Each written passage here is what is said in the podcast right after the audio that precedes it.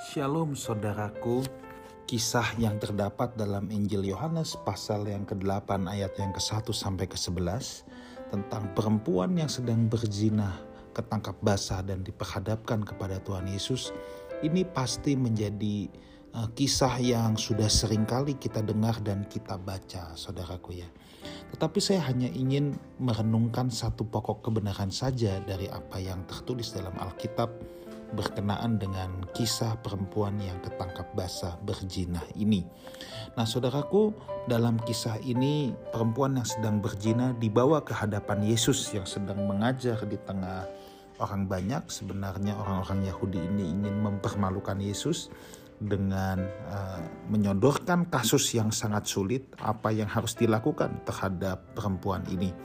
Kalau Yesus berkata uh, dia harus dilempar batu sesuai hukum Israel, maka sifat-sifat kemesiasannya akan menjadi luntur, saudara ya. Bukankah Mesias harusnya memberikan solusi, memberikan pengampunan, kelemah lembutan, bukan menghukum mati seseorang. Tetapi kalau Yesus uh, mau melepaskan orang ini, maka dia akan dianggap melawan hukum Musa. Jadi Yesus diperhadapkan dengan hal yang sangat sukar tetapi di sini yang luar biasa Tuhan memberikan respon ya. Di ayat yang ketujuh dan ketika mereka terus-menerus bertanya kepadanya jadi Yesus didesak ya. Ini harus gimana? Nah, Yesus pun bangkit berdiri lalu berkata kepada mereka, Barang siapa di antara kamu tidak berdosa, hendaklah ia yang pertama melemparkan batu kepada perempuan itu. Nah, Saudara, dan kalau kita baca kisah itu, akhirnya mereka pergi satu persatu mulai dari yang paling tua. Nah, ini sebenarnya ada banyak hal yang bisa kita bahas dari kisah ini, tapi saya mau bahas satu angle saja, yaitu apa? Kita seharusnya lebih tajam, lebih keras terhadap dosa yang kita bikin sendiri daripada dosa yang orang lain perbuat.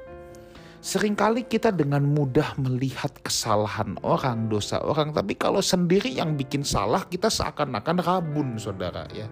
Kayak matanya minus dalam, jadi tidak kelihatan. Tapi kalau orang lain bikin salah sedikit saja, kayaknya kita udah tegas banget dan itu adalah kecenderungan manusia. Kecenderungan manusia adalah lebih mudah melihat kesalahan orang lain daripada melihat kesalahan dirinya sendiri. Ini persis yang dilakukan oleh orang-orang Farisi dan ahli Taurat pada saat itu.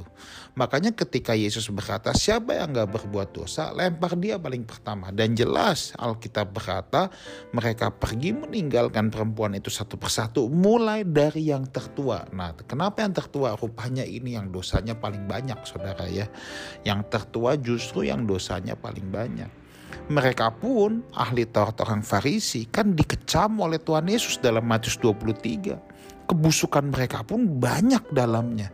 Tapi mereka seakan-akan buta dengan diri mereka sendiri, tetapi senang, fokus, gampang untuk melihat kesalahan daripada si perempuan ini. Nah, itulah saudara yang harus kita sadari bahwa sebelum kita menghakimi orang lain, hakimilah diri kita sendiri dulu. Jangan ada uh, selumbar benang di mata saudara kita lihat, balok di mata kita sendiri kita tidak lihat.